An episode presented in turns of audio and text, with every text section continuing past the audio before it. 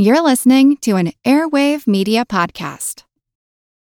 Hey, Drew Scott here, and I'm Jonathan Scott, reminding you that life's better with a home policy from American Family Insurance. They can help you get just the right protection at just the right price and help you save when you bundle home and auto. Kind of like Goldilocks and the Three Bears. It'll be just right for you. We love a custom build. American Family Insurance. Insure carefully, dream fearlessly. Get a quote and find an agent at amfam.com. Products not available in every state. Visit amfam.com to learn how discounts may apply to you. American Family Mutual Insurance Company SI and its operating company 6000 American Parkway, Madison, Wisconsin.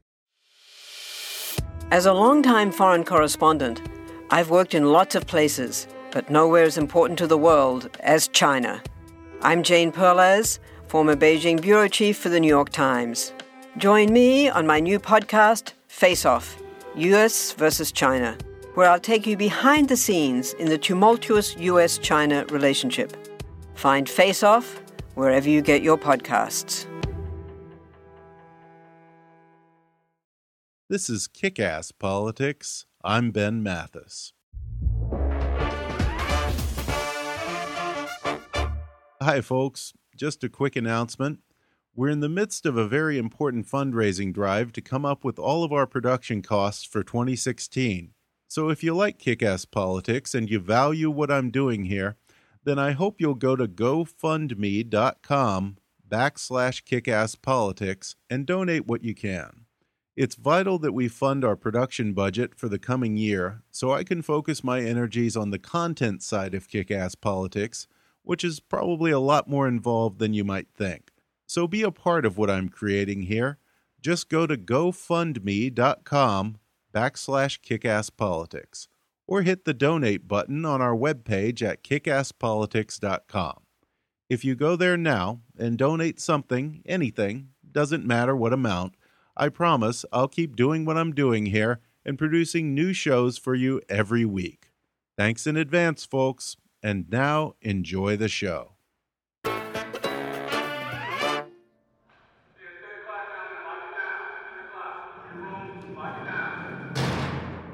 Prison is a place that is a repository of, of uh, human misery. There are lots of people who have been incarcerated for 10, 15, 20 years who uh, have not seen their children for a decade or longer, have not spoken uh, to another person on the outside because they haven't had a visit uh, or haven't even had anyone to call for years. The hardest part, uh, I think, for me at first is just trying to make sure that you can stay safe. You know, I went into prison at about 5'6, 117 pounds. The guys there were a whole nother level uh, size wise and, and, and probably in terms of toughness too. If you get on the wrong side of the uh, prison administration, you can find yourself doing your entire bid in solitary and uh, and that can drive you crazy. There is so much misery that you really have to work to try to make sure that you don't fall prey to the same despair that pervades the institution. That was Jeff Smith describing the bleakness of prison life. His is not the typical inmate story. He was a college professor and a state senator who became a rising political star in Missouri when he almost defeated Russ Carnahan to take over the congressional seat vacated by Dick Gephardt in 2004. But in 2009, everything came crashing down for Jeff Smith when he lied in an affidavit to the Federal Election Commission about a relatively minor campaign finance violation. This was Jeff's first and only run in with the law, he had been a model citizen, giving back to his community and even founding a successful charter school. But in spite of that, he was sentenced to a year in the federal correction facility in Manchester, Kentucky. His year in prison opened his eyes to the many areas where the U.S. criminal justice system is failing inmates, families, taxpayers, law enforcement, and society in general.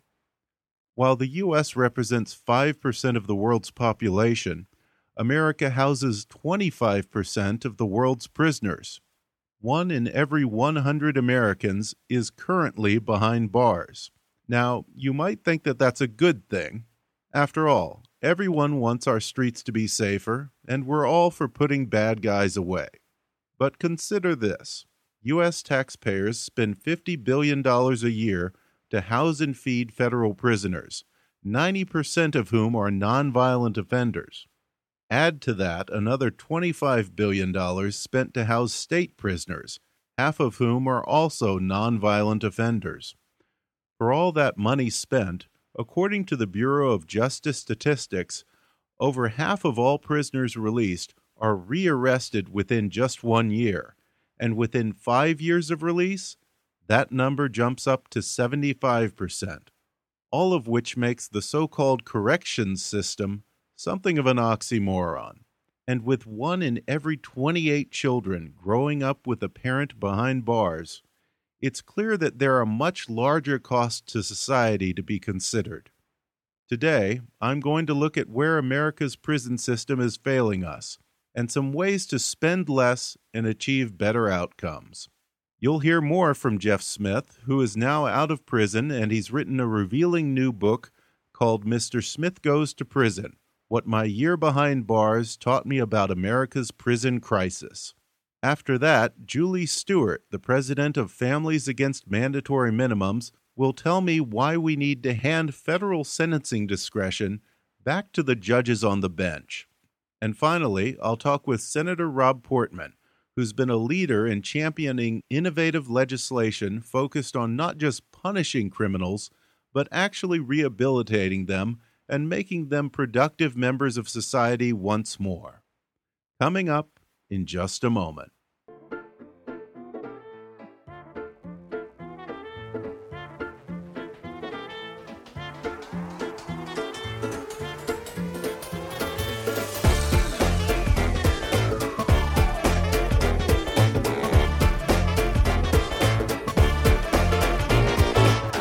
Hollywood to Washington, it's time for Kick Ass Politics.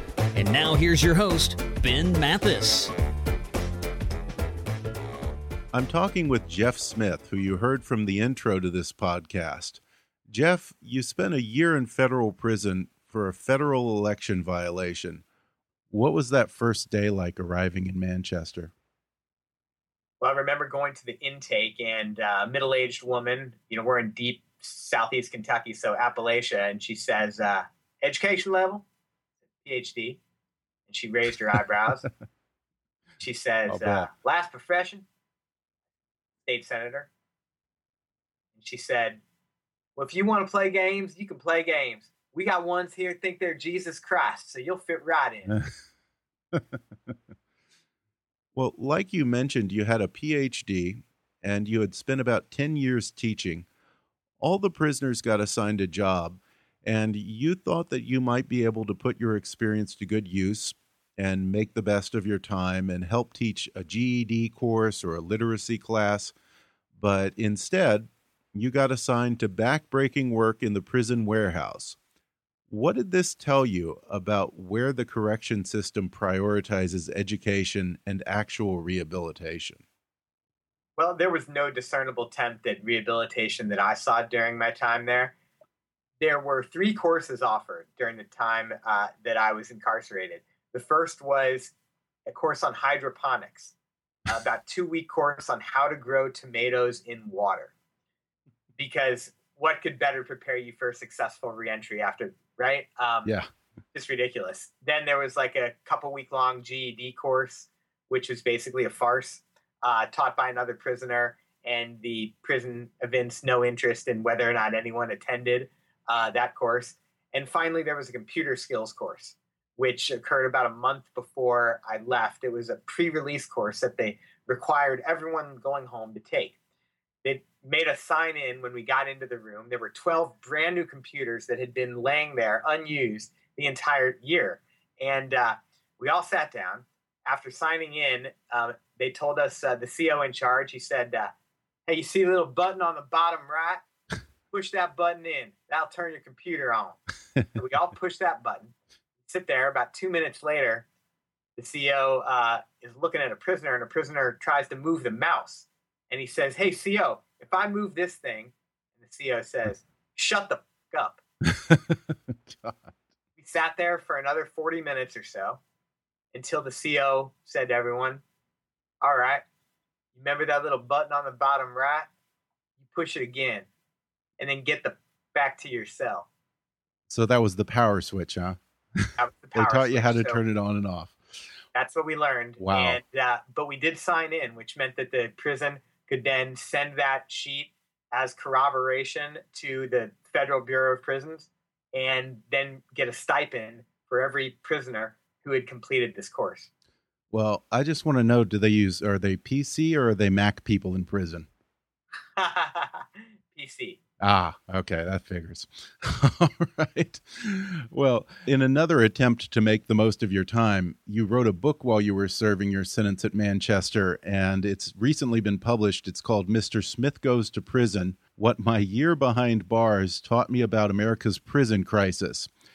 Uh, apparently, according to your book, there is a whole booming prison economy that's going on just under the surface, uh, which probably comes as no surprise to anyone. What are some examples of the kind of enterprise and ingenuity that you saw amongst your fellow prisoners? Well, I saw unbelievable ingenuity. Uh, there's not a single concept that you would learn at Wharton that you could not learn inside federal prison. I saw guys run all sorts of businesses, everything from perfectly legal businesses like guys who were very artistic and they would draw portraits of other prisoners' mothers or daughters that could be sent home for birthdays, Huh. uh, to somewhat less legal businesses like guys who you know cooked with stolen food uh, from the warehouse to even less legal businesses like running a tattoo parlor out of your cell to the most illegal businesses like smuggling in steroids or drugs. I probably I read 15 business plans while I was in there and and gave feedback on them from guys who who had big dreams uh, for what they wanted to do when they got out. The sad thing, as we talked about a minute ago, though, is that there was absolutely no training in helping these guys translate their intuitive grasp of these business concepts into any legitimate enterprises when they got out. You know, it's almost become a cliche these days to say that people go to prison and they end up learning how to become better criminals. Uh, we hear that time and time again.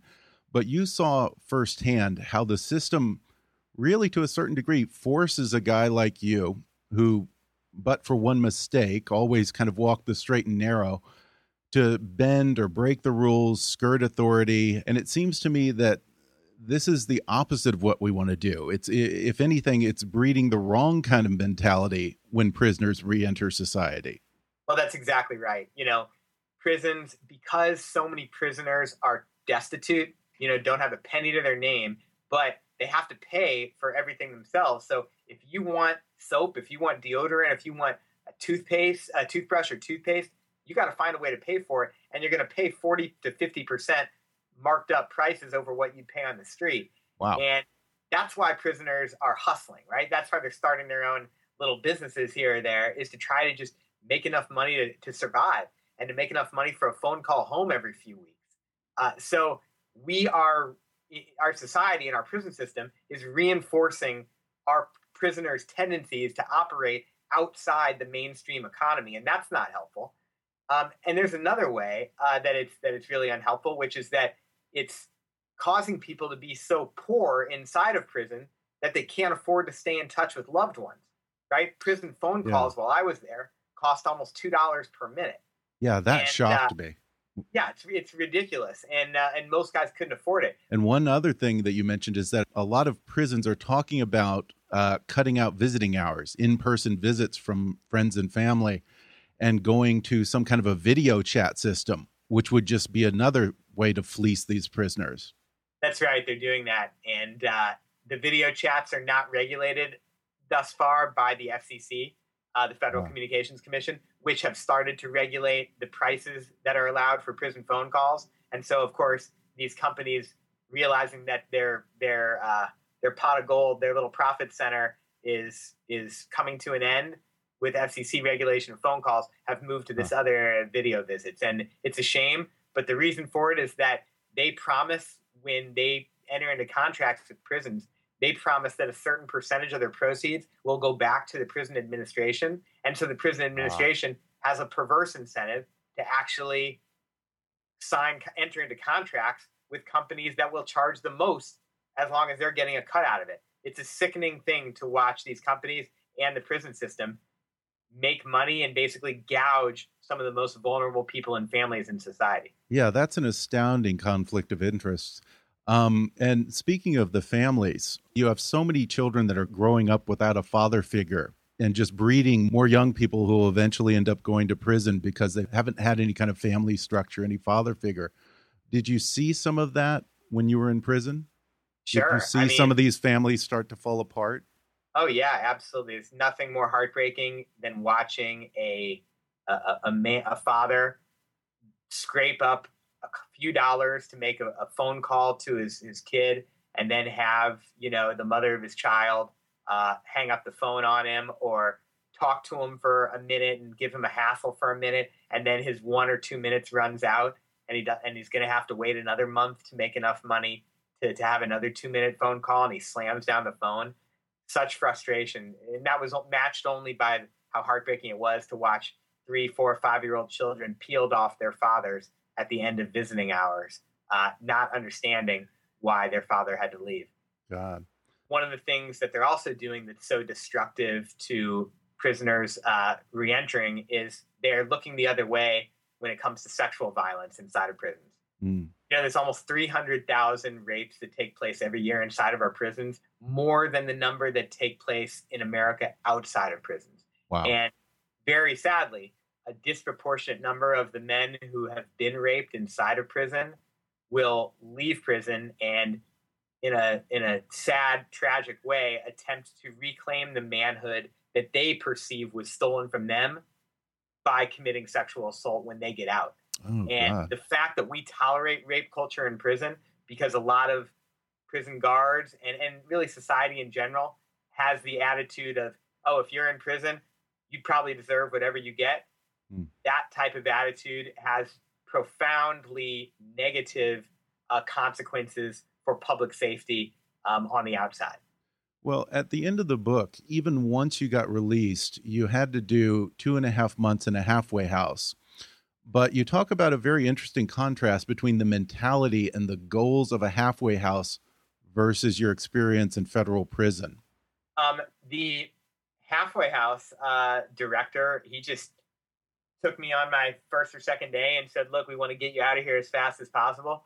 We know it doesn't make any sense that you're here because you have a house that you still own, and uh, you don't need to be here. Um, why should we waste a bed that we could get someone out of prison six months earlier uh, than they would have otherwise come out?" And they don't have a place to stay, but we could get them close to their family and back in the community.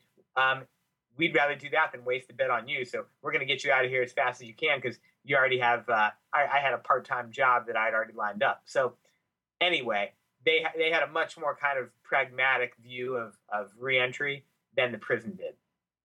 Well, what are some other solutions that you came up with from your personal experience in prison? A broader reform to the system that I think could be effective would be to change the way that we pay our correctional officers. In their eyes, at least, they had an incentive in making sure that prisoners failed when they got out so that they would return back into the system. Huh. They viewed them as job security. What Oh, if we wow. changed things and we tracked everyone coming out of prison at six month intervals? And every six months that they were flying straight and didn't reoffend, we paid a bonus to the correctional officers who had guarded them in their unit Yeah. uh, a 250 a $500 bonus so by the end of two or three years of flying straight the co who guarded you as long as you you know keep your keep your nose clean might end up with three four five thousand dollars extra so instead of the incentive being to tear you down and dehumanize you their incentive would be to build you up and help equip you to succeed in society what about that Think about that, folks. We reward teachers and schools who produce students with the best test scores. Why not reward prisons that succeed in actually reforming prisoners and turning them into productive members of society again?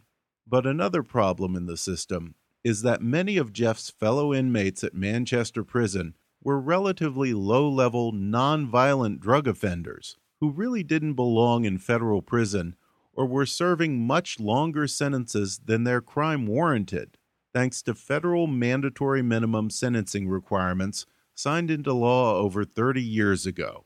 So I talked with Julie Stewart, president of a group called Families Against Mandatory Minimums, about some of the unintended consequences of letting politicians, rather than judges, determine prison sentences. Julie, thanks for taking the time to talk to me. Oh, it's my pleasure. I'm happy to be here. Um, you took up the cause of mandatory sentencing reform when this issue hit very close to home for you and your family. Talk about the event that led you to form FAMM. Yes. My brother was um, growing marijuana in Washington State in a garage, unbeknownst to me. And I was working at the Cato Institute when I got a call from him. And he said that he was in jail in Spokane, Washington. And I was like, What, what are you talking about? And he said, Well, I was arrested for growing marijuana. And my first thought, this was really 25 years ago, my first thought was, how stupid of you to be growing marijuana. But my second thought was, well, it's only marijuana, so, you know, I guess he won't get, you know, punished too much. But then I began to understand what was happening, and as did he. And he was prosecuted federally, which is in itself bizarre. He was growing marijuana in a garage in Washington state. It wasn't like he crossed state lines. There was no particular federal nexus for the federal government to pick up some pot growers. But the federal government in the late 80s and 90s was picking up a lot of small drug cases and prosecuting them and getting really long sentences. So, what I learned was that my brother was facing a minimum of five years in prison without parole in federal prison. Um, he would have faced more if he had chosen to go to trial, which of course would have been absurd because he was guilty. The only way he could have gotten out from under that five year sentence was if he informed on someone else. But he said that he would not have been able to live with himself by ruining someone else's life. So he chose not to inform on anyone and ended up doing five years in federal prison. But it was his experience that opened my eyes to these laws that prohibit the judge from giving the sentence that he or she thinks is appropriate. And in, in my brother's case, he wanted to give Jeff two years in prison. And he said at sentencing to the you know 25 year old uh, assistant U.S. attorney who was prosecuting Jeff, he said, um, you know, you are fresh out of law school, and you're telling me, a federal judge who's been on the bench for 25 years, what the sentence is that I have to give this man. So that was such an eye opener for me. I, I'm not a lawyer. I, you know, have had your basic, you know, civics 101, like most people, and assumed that the judge got to determine the sentence. And that's just not true in cases that carry a mandatory prison sentence that has already been decided by members of Congress or state legislators who have never laid eyes on the defendant. What else do you hear from the judges who have their hands tied and are forced to hand down these lengthy prison sentences? You can imagine. I mean, judges, federal judges in particular, go through quite a screening process to get to the bench. You know, they are nominated by the president, confirmed by the Senate.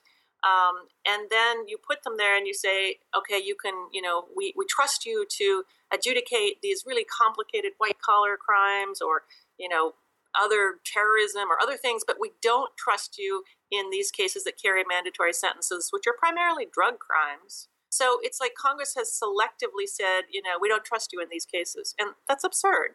When mandatory minimums were enacted 30 years ago, what kind of criminals were they designed to target? 30 years ago, Len Bias, the basketball star who was drafted from the University of Maryland to the Celtics, went out to celebrate and overdosed on powder cocaine. And when he died, it was really in Congress's backyard. And so um, members of Congress were just shocked by that. And it was 1986, and crack cocaine was a new drug on the scene. And, and every night on the TV, there were talk, you know there was talk about crack babies and try crack cocaine once and you're addicted for life. And I mean, there was a lot of uncertainty and unfamiliarity and you know the unknown of crack cocaine. So all of that combined with the fact that it was an election year drove members of Congress to say, we will fix this scourge of drugs that's, you know, ravaging our countryside by passing these stiff mandatory sentencing laws. Um, and even if you can agree with that principle, the way they did it is so absurd. There was not one hearing, there was no analysis done on what this was going to do to the prison population, certainly no racial impact analysis done. Instead, it was done on the floor of the House as if um, it was a poker game. So one member of Congress would kind of say, well, for 100 marijuana plants, let's make it a two year sentence. And the next one would stand up and say, no, three. And the next would say, no, five. Mm. And it was just like picking numbers out of the air. Um, as a result of this, our prison population has skyrocketed about 880% since 1986. Yeah, it sounds like it was the result of politicians climbing all over each other, trying to seem tougher on crime than the next guy. Yes, that's right. And and I mean mandatory sentencing laws are not new. We've had them on the books since 1790s when piracy would trigger a sentence of life without parole. And if you look at the 195 statutes that are on the books, it's really interesting. It reads like the crime du jour. You can see what the country was concerned about. Mm-hmm. In the 1800s, you got six months in prison for refusing to allow the government to, to put a telegraph a telegram wire on your property. Or if you were dumping refuse in the Baltimore or New York harbors, you got you know five years in prison. You know all the way up through the assassination of JFK. After that, Congress passed a, a law that said you know you go to prison for life without parole if you assassinate a cabinet member or the president. It's like okay, gosh, I doubt. a member, you know, maybe a judge wouldn't have sentenced somebody to a long prison sentence for um, assassinating the president, but I think so. Yeah. Um, so it's it's really interesting. You just see what Congress has done for over 200 years, which is to say, oh, this is what the public's concerned about. Therefore, we need to take some action. The action we're going to take is passing these stiff sentencing laws, even though we know, I mean, because if they wanted to look back at history, that they don't have any deterrent effect, um, they still do it. And as a result, we end up with lots and lots and lots of people in prison serving very long sentences and costing taxpayers billions of dollars. Your organization has pointed out that most of the people who are being hit by these mandatory minimums are not drug kingpins. You know, we're not talking about Pablo Escobar here. And on your website at famm.org, you have a number of pretty compelling stories of prisoners who've gotten caught in the system. Would you share one of those with us and maybe help put a face to this issue? Yeah, I'll actually share one that's not on there. Um, it's an older one, but it's always struck me as kind of perfectly telling what's wrong with these sentencing laws. Um, the woman's name was Nicole Richardson, and she was 21 years old, dating a boyfriend who was 23 years old or something. And um, he was selling LSD, small amounts of LSD, and he owed money to somebody who was arrested and picked up by the government. So then that person became a confidential informant. So he called the guy's house to say, you know, I'm going to bring you the money that I owe you for buying LSD from you. And the girlfriend, Nicole Richardson, answered the phone and she told the guy where to find her boyfriend to, to pay him back. That one phone call linked her into the conspiracy to distribute LSD when they arrested her boyfriend. Oh wow! And she ended up she ended up getting ten years in federal prison. Wow! Without parole, without parole. Her boyfriend, who actually had information to trade for a re- reduced sentence, ended up getting five years. And then to top this off, while she was in prison, she was talking to her mother on the phone, and somebody was breaking into her mother's apartment to try to rape her. And so Nicole was able to tell the you know the authorities at the prison, you know, please get somebody to my mom's apartment. Blah blah. They caught the guy. He was prosecuted and he got 15 years in prison with parole for attempted rape. Jeez. I mean, something is really, really wrong with our system when we put people in prison, nonviolent people in prison for longer than, or as long, and many times longer than violent offenders. That really is appalling, Julie. Well, we're going to take a quick break, and then I'll talk more with Julie Stewart and Senator Rob Portman will discuss some new solutions that are helping to put criminals on the right path after prison. Back in just a moment.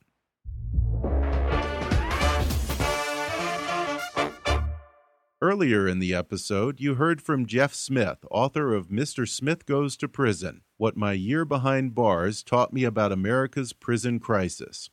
And right now, you can download the audio version of his book for free with a special promotion for our listeners from audible.com.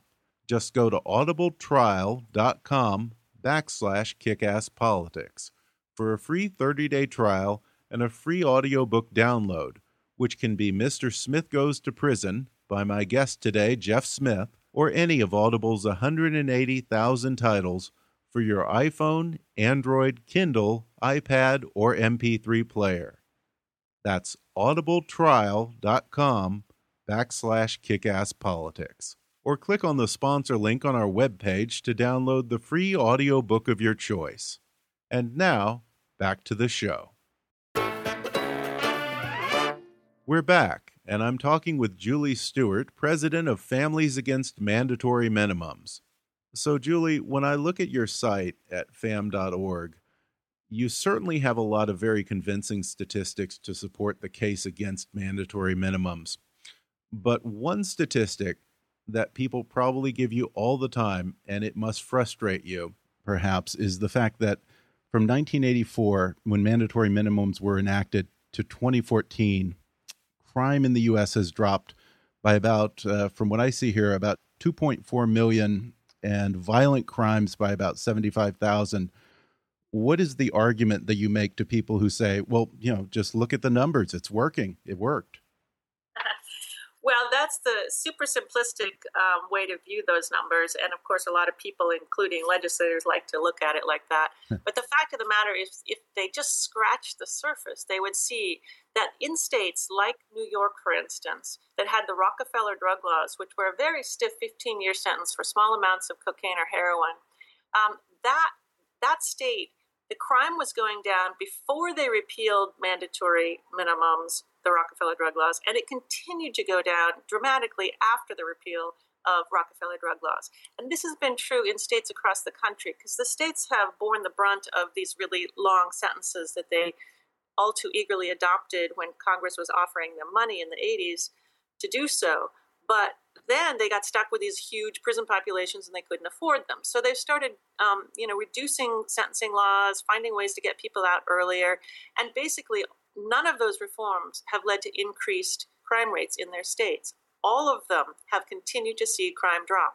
So the relationship between crime and sentencing is negligible. And you know, even the most generous estimate, I guess, of how much um, incarceration reduces crime is somewhere around 30%, 35%. But that even says, even if you can accept that number, that means that 70% or 75% of the reduction in crime has nothing to do with incarceration. Yeah, because you're you're not against incarcerating rapists and murderers and violent offenders. no, I'm so, not. Of right. not. I mean, there is a distinction there. Yeah, and when you take a violent offender off the street, that person is not so likely to be replaced. Yeah. You take somebody selling cocaine off the street, the fact of the matter is there's going to be somebody taking his place pretty quickly. Um, which is not to say that they shouldn't be um, prosecuted. Even in my brother's case, he broke the law. You may not like the law, people want to change the law, but he broke the law. So I get it that there should be a punishment. And I, I hear this from parents all the time in the last two decades. You know, my son, my daughter, they needed to be arrested. They needed even to be convicted and get away from their crowd for a year or maybe two years. But the length of the sentences that we are handing out basically, you know, creates this population that no longer even knows how to live in this technologically sophisticated world that we are in today when they've been in prison for 15 or 20 years or 30 years. Yeah. When they come out, it's like they're in, you know, in a foreign country. Yeah, and you know there is kind of this sledgehammer approach to the issue, but I have to think that there are other creative ways that we can punish people. No, it's that's right, and I think that we, especially the United States of America, we are such a nation of innovators, and we are punishing people in the same way that they were punished, you know, two thousand years ago, basically. so why is that? And I would even argue that Silicon Valley, with all of its great entrepreneurs who are thinking of ways to monitor everything, you know, there should be an, um, an ankle bracelet type monitoring system that would allow someone to easily track where a person is, a nonviolent person. I'm not talking about putting violent people on the street, but, you know, that allows them to go to their job, come back, be a parent, continue to earn money, to pay taxes, so that they're not the burden that they are today on our system, on our society, and and are instead contributing to it.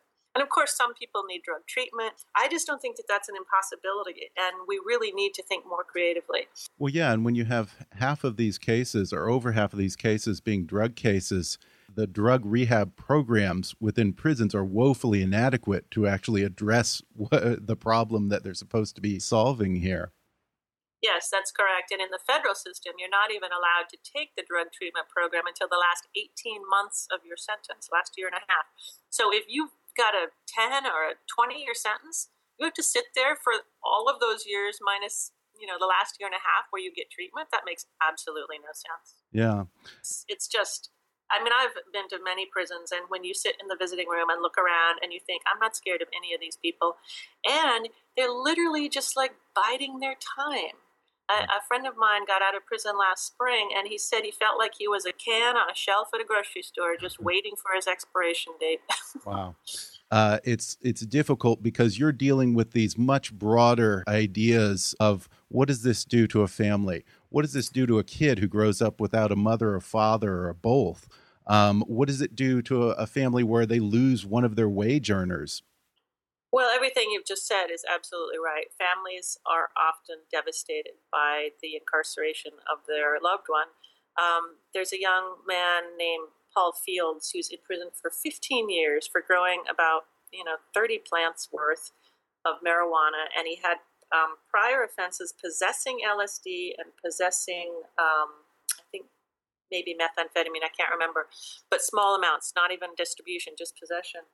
And so it was his third strike, so to speak. So he is in prison, sitting there for 15 years, while the, his wife, who had just given birth to their six month old daughter, is trying to, you know, support her, take her to see her dad so that they can still have a relationship. She moved in with his parents who are in their 80s and are elderly and really need their, you know, strapping 35 year old son home with them so that they can, you know, have some support, his support. Maybe he's 45 years old. But I mean, it's just, what is the point of all that? Nobody wins here. Yeah. The, the daughter is only knows her dad from prison.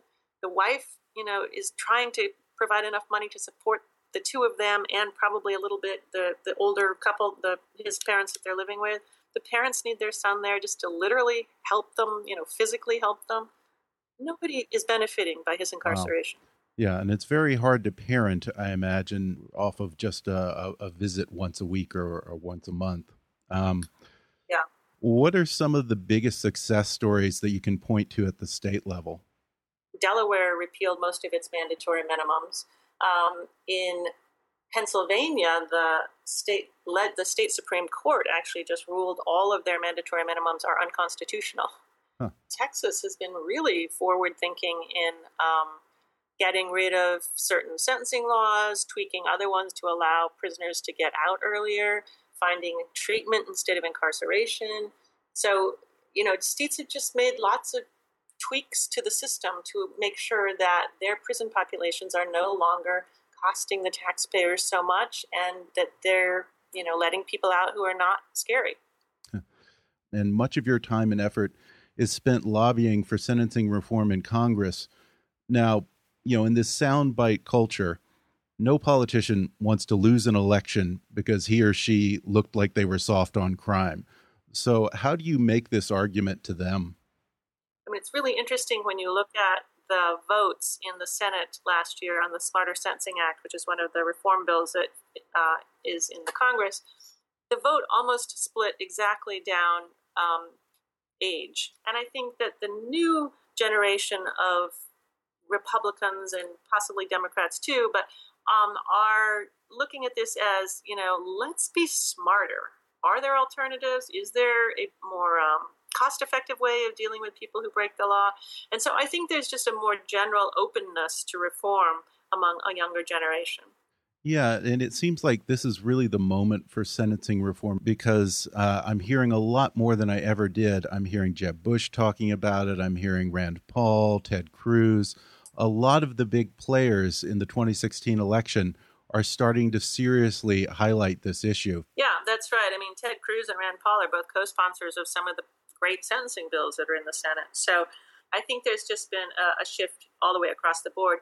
We just um, had a poll done last month, and 77% of the public support the repeal of mandatory minimums. And 71% of conservatives support the repeal of mandatory minimums. I'm talking about nonviolent offenders. But yeah. that's that's fantastic. That's like a, a, huge move from five years ago when we did a poll. So I think that there's just this acceptance that it's not going to make you lose your election. Um, I mean, the Willie Horton shadow, uh, which was big and dark for many years uh, over any member of Congress who, who dared to say they, you mm-hmm. know, wanted to reduce prison populations.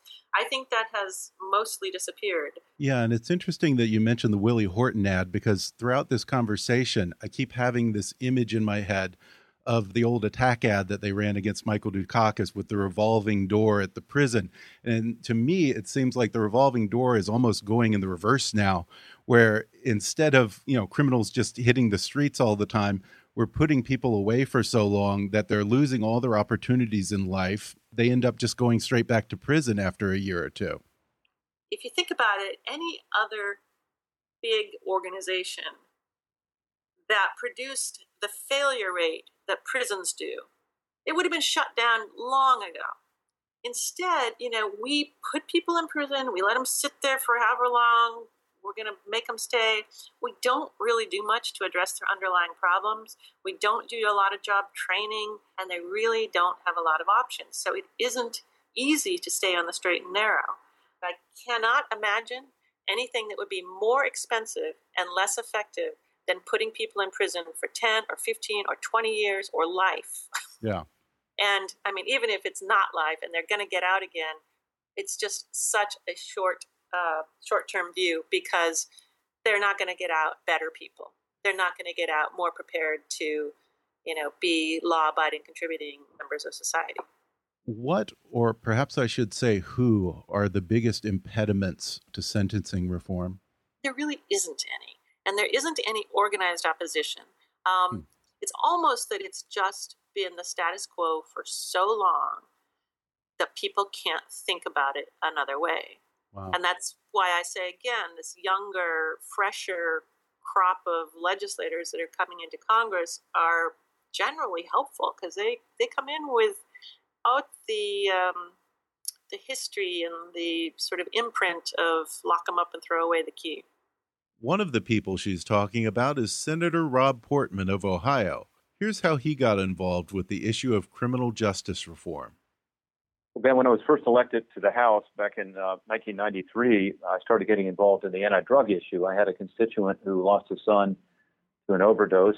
At that time, uh, you know, my focus was more on the substance abuse issue and how to focus on prevention and education and avoiding people getting into the cycle or the function, uh, the, the the funnel of addiction. And so, I actually started to learn more and more through that about the fact that most people who were being arrested were, uh, you know, either high on drugs or were under the influence of alcohol, and that there was such a strong connection to uh, substance abuse and, and, and those who were behind bars. And in fact, at that time, as you know, we were locking up a lot more people for possession. And so I, I started to learn more about our prison population, and and um, I began to think about how if we could help them with their drug problems, it would be good to get people out of prison and get them, you know, back into productive lives. And then that led to a, a broader look at this whole issue of how do you get people the job skills they need, uh, mental health treatment in addition to drug treatment. And uh, I just learned that there are some great programs going around the country that have been very successful in getting people out of prison and into that transition into their communities and back to their families. And the alternative uh, is, uh, unfortunately, what is often happening, which is you give somebody, you know, five bucks to clothes on their back and a bus pass, and they're back in prison within a few years. That's the, unfortunately, that's that's where more than 50% of these people end up is back in the system again. Well, you're a Republican, and for a long time, criminal justice reform has been a third rail among conservatives, many of whom are just now starting to come around on this issue if you're talking to one of your Republican constituents or a Tea Party in your home state of Ohio, what is the case to be made for criminal justice reform as a conservative issue? Well, I think it's it's absolutely a conservative issue. And you know, ten years ago, when I authored what's called the Second Chance Act, uh, I had a lot of these discussions. I, I represented uh, the Second District of Ohio, a very conservative district, and I represent the whole state of Ohio. But I did have constituents who challenged me on it and said, you know, why are you helping people getting out of prison? why should we care? And uh, we should care for a number of reasons. Uh, one of which is a very conservative one, which is it costs about thirty thousand bucks a year to house an inmate. so, yeah. You know, every taxpayer should be concerned and think of the money that we have wasted uh, as people go through this revolving door, being arrested and rearrested, you know, five, six times, as I found out with some of these uh, uh, guys and and some women who I've talked to and had a chance to get to know over, over the years through this this uh, project that we've been working on. And then second, it is conservative not to have these people back out there committing crimes. Half these people or more are recommitting crimes and getting back into the system And that's certainly something that, that all of us care about. And then finally, as a conservative and as someone who is a Christian, uh, I, I do believe in second chances. And I think that notion of redemption, and I think that's consistent with uh, a lot of us who are uh, not just fiscal, fiscal conservatives, but social conservatives that think that, you know, we, we do believe that God has a plan for all of us. And if there's a way to get people the tools they need to be able to turn their lives around, they're going to save the taxpayer money, they're going to reduce crime, and they're also going to be able to reach their God given potential and get their families back together. So I think it's one where uh, conservatives uh, are more and more interested and, and, and even excited about. And I, I, I'm, I'm one of those conservatives. I, I believe it makes a lot of sense, and I'm going to continue to do all I can to promote it. As the former director of the Office of Management and Budget under President George W. Bush, I can definitely see how this issue would make sense to you from a fiscal standpoint and an accountability standpoint. That's that's true, Ben. And you know, I was a, a fiscal hawk in that job. I actually proposed a balance, balanced budget over five years, not ten years. We do need to get back on a sound fiscal footing, and one way to do it is to reduce these costs. A lot of the cost is borne by the states, so sometimes at the federal level, members of Congress uh, don't focus on this as much as I think they should. If you ask the states, uh, and Ohio is certainly one, what are your highest costs? They will say Medicaid and prisons, mm-hmm. and those are the not just uh, consuming most of the budget now, but it's the highest increase year to year. So we were talking about the Second Chance Act that you authored in 2008, back when you were in Congress, which sought to support state and local prisoner reentry programs and reduce prison recidivism rates. Now, one thing that I liked about this, and again, this is kind of going back to that uh, fiscal accountability issue is that a small portion of the budget on that was spent to measure the efficacy of the program over the past six years. What have we learned from that data? In Ohio, thanks to the Second Chance Act being used aggressively and some other work being done at the state level on prisoner reentry, we've actually reduced our recidivism rates in Ohio. Uh, we've reduced them by about 11 or 12 percent. Wow. Just in the last few years. That's great and explain exactly how the Second Chance Act works. Then the Second Chance Act is legislation uh, at the federal level that provides for grants uh, back to states. These are matching grants, so you have to have uh, funding at the, at the local level. You have to have buy-in at the local level. We require that the community uh, be engaged. Um, so you have law enforcement, uh, you need social services, you need to have educators, everybody working together. Uh, in Ohio, for instance, we've taken advantage of this legislation and initially we just had about two or three counties that had uh, reentry task forces. Now you have 70 counties out of 88 that have a reentry task force, which is good because they can now apply for these funds. But even if they aren't uh, applying for the funds or receiving the funds, it's great for those communities to bring all those people together to work on this issue. And they've uh, they've had some remarkable success uh, in places like Dayton, Ohio, and Toledo, Ohio. They can look at their recidivism problem uh, and and tell you that they've saved millions of dollars. So it's it's something that is is is working. The kinds of programs that are supported would include uh, skills training. So when someone gets out to find you know what's uh, available in the region in terms of needed skills and give these people the tools they need to get a job. Uh, it is dealing with mental health issues and you know encouraging people to get the medication they need and to help to get on their feet rather than go back to prison. Um, it, it deals with drug treatment, so people that have had a substance abuse problem to ensure that, that they have the ability to get the treatment that they need it's family based, uh, so the notion is to keep the families involved and engaged. And I, I think this is uh, one reason it's been successful. When you look at the program, which we have monitored closely, you see that the recidivism rate tends to be lower when communities adopt these these programs. So. Uh, I believe it's it's working to save money for taxpayers, to reduce crime in our neighborhoods, and also to get people back to work, which is uh, which is a good thing for all of us. And these are programs that are implemented in the community once they're released or during their prison sentence?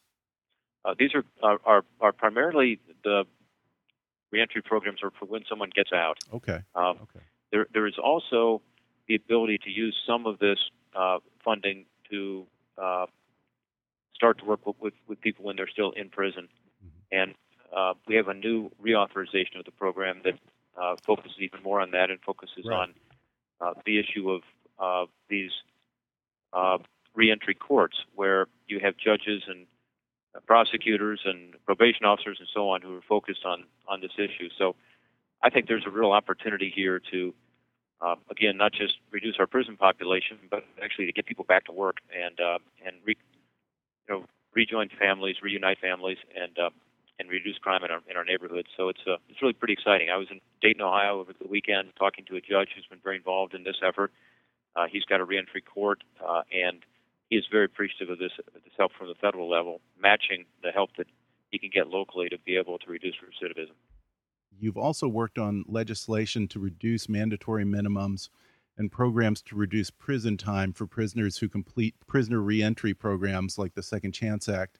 Is it fair to say that for many nonviolent offenders, the less time they spend in prison, probably the better off they're going to be? Yeah, I, I, I do think that there is an opportunity in our prisons, and that legislation you're talking about is focused on the federal prisons. As you know, most people are in, are in state uh, prisons and, and, and local jails. Right. But at the federal level, uh, Congress definitely has a you know direct interest in this. The Department of Justice spends 25% of its budget on the Bureau of Prisons, for instance. This is money that could otherwise be spent on things like federal investigators, prosecutors dealing with terrorism and, and other issues. So uh, we we have said that with regard to people who are in prison, if they're willing to partake in second chance type programs, uh, particularly to get the job skills they need to be able to get a job when they get out, that they should be given credit and uh, therefore having their time in prison reduced uh, with the understanding that they're going to be able to uh, get out of prison and you know get a job and, and become productive citizens. Uh, are there any other changes that you'd like to see to better reform and rehabilitate Americans who get in trouble with the law? Yeah, I mean, I think the the the, the general point is one that um, I made earlier, which is this is in all of our interests to yeah. deal with this with this issue. Ninety five percent of the people in, in prison who are behind bars are going to get out, and if you can give them some of the basic tools they need to get back on their feet rather than get back into a life of crime, it's good for everybody. Certainly good for them and for their families. It's also good for the taxpayer in our communities. And I think you know the the federal legislation is important, and I support it strongly. I'm the author of it, of course. Uh, I think it's good, but it's really not about Washington. It's about what's going to happen at the local level. You know, get the whole community involved, get the employers involved. I go around the state and talk to employers a lot about asking for their help. You know, to take a little chance and uh, uh, you know hire somebody who's a uh, returning prisoner and uh, you know who's, who's who's been in the system. Um, the experience yeah. that I've had in working with some of these employers then is very interesting. I mean, uh, you, you hear for the most part these are loyal and faithful employees who are grateful for the opportunity.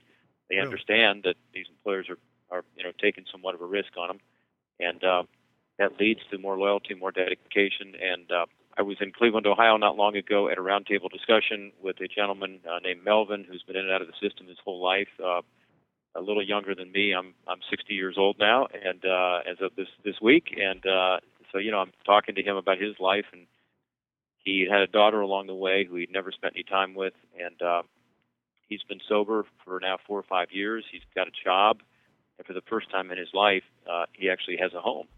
And his daughter is living under his roof with him. And uh, you know, this guy's a productive citizen, taking care of his family now. Let me leave you with one other story. Every Thursday, one Republican is asked to provide lunch. There are 54 Republicans in the Senate. This time, I brought a guy up from Edwin's, which is a restaurant in Cleveland, Ohio, that hires exclusively people who come out of prison uh, they've had 89 graduates of their uh, their program. It's about a six month program. They teach people culinary skills. The owner came up along with one of his students to Washington D.C. and got to serve the Republican senators and and and explain to them how this works. And so, of those 89 graduates, uh, all of them have found jobs. They've got uh, about 30 restaurants wow. in Cleveland that have hired these people. Um, and zero have returned to prison. It's an it's an extraordinarily successful program, but it's an example of what can happen around the country if people engage and get involved and and help give people that second chance and and and, and let them know, you know, this is uh this is not a handout, it's a hand up for you to actually take control of your own life and you know demonstrate personal responsibility and get your act together and uh when given that opportunity, at least in the case of Edwin's and so many other examples I've seen around the state of Ohio, uh, this can really work. Well, that must be very gratifying for you to see your efforts paying off in that way. Is there anything that listeners can do to show their support for the reauthorization of the Second Chance Act? Yeah, that, that would be great. I mean, we're trying to get it through the Judiciary Committee right now. Um, it, it's called the Second Chance Reauthorization Act, uh, and uh, if they're willing to uh, write their member of Congress or their uh, senator, that would be terrific. Just to talk about the fact that this one is one that actually makes sense. And then, I guess even more importantly to me, just get engaged and involved. Find out about whether you got a reentry task force in your county or in your community. If you don't, maybe encourage uh, the, uh, others to join you and, and get one started. Um, there are a lot of people who uh, you know are are prison tutors who are willing to go into prisons and and help to help someone get a GED or help someone get some job skills that they need. Yeah. There's opportunities to do that. I, I think that's really rewarding too. Great and idea. So I think just local involvement and getting involved is what makes sense. Senator Rob Portman, I appreciate all your efforts on this issue, and thanks so much for coming on the show to talk about it. You bet, Ben. Thanks a lot for having me on. Take care. Folks, there's a big difference between being soft on crime and being smart on crime. As a matter of public safety, violent criminals should absolutely be taken off the streets and thrown in prison. I'm not saying that you shouldn't have to pay your debt to society when you commit a crime, but the whole point of having a criminal justice system is to punish and rehabilitate lawbreakers. Right now, America is doing a pretty good job of the former, but a terrible job of the latter we ought to be able to punish and reform nonviolent offenders without permanently destroying their lives. You've probably heard the saying, idle hands are the devil's plaything. Well, it's hard to set a man back on the right track when you've ripped him away from his wife and children, taken away his ability to earn a living, and locked him away with nothing to do in a place where his entire peer group consists of even worse criminals. Our prison system should be held to the same accountability as any other costly, bloated, inefficient government program. We're spending billions of dollars a year on a system that, by most measurements, does not work. There has to be a smarter way, and the time for sensible, results based criminal justice reform is now. Thanks again to Senator Rob Portman, Julie Stewart, and Jeff Smith for coming on the show. You can learn more about Families Against Mandatory Minimums at famm.org. That's F A M M.org. And follow Julie Stewart on Twitter at, at JulieOnJustice. Also, I'll include an Amazon link in the show notes where you can order that book by Jeff Smith called Mr. Smith Goes to Prison or you can download the audio version of his book for free through that special promotion for our listeners at audibletrial.com backslash kickasspolitics. And finally, if you live in Ohio, Senator Rob Portman is up for re-election in 2016, and this is just one of many reasons to give him your vote and send him back to Washington. And you also might want to keep a lookout for him on the short list for the Republican nomination for vice president come July. And help us reach our end of the year fundraising goal by donating to our GoFundMe campaign at gofundme.com backslash kickasspolitics. It's really important that we fully fund our production expenses for the next year so I can put my energies toward great new guests, interesting topics, and producing new episodes. So go to gofundme.com backslash kickasspolitics. Follow us on Twitter at, at KAPolitics or visit Kickass Politics on Facebook. And as always, I welcome your comments and suggestions at comments at kickasspolitics.com. But for now, I'm Ben Mathis, and thanks for listening to Kickass Politics.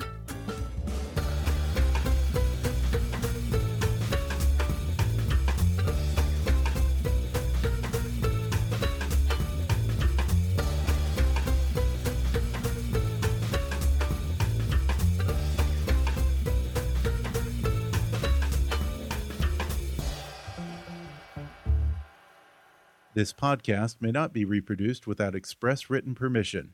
Kickass Politics is a trademark of Mathis Entertainment, Inc.